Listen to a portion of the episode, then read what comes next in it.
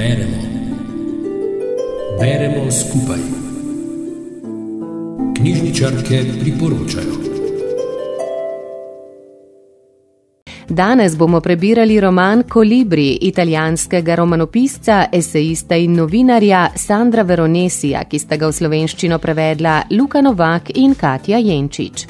Protagonist romana, oftalmolog Marko Carrera, od psihoanalitika svoje žene izve, da ga ta zapušča zaradi drugega moškega, s katerim pričakuje otroka.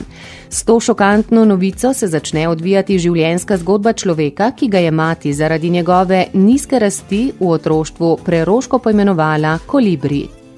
Zmožnost lebdeti na miru in hkrati biti aktiven, gibanje, ki je značilno za kolibrije, ga spremlja vse življenje kljub trpljenju zaradi izgube sestre in odsotnosti brata, skrbi za starše in otroka, kljub neuspelemu zakonu in neizživeti ljubezni, Marko stoično prenaša težave. V njem ne ugasne upanje, zato živi intenzivno do konca. Zgodba ne teče linearno, ampak nam jo pisatelj mojstersko odstira po delčkih, ki so pripovedno in slogovno različni, pogosto v obliki pisem.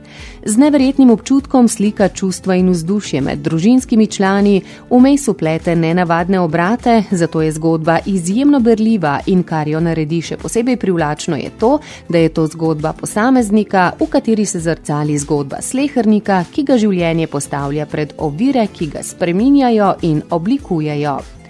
Sandro Veronesi, rojen leta 1959 v Firencah, je italijanski romanopisec, esejist in novinar, ki se je po diplomi iz arhitekture odločil za pisateljsko kariero.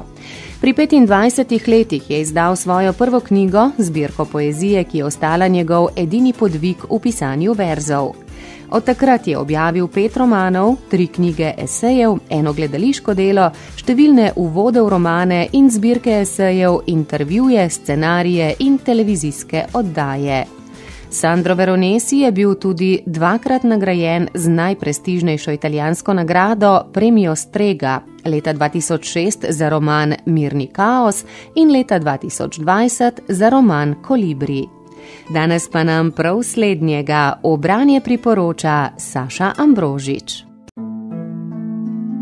Rubrika Beremo skupaj nastaja v sodelovanju z Radijem Sora.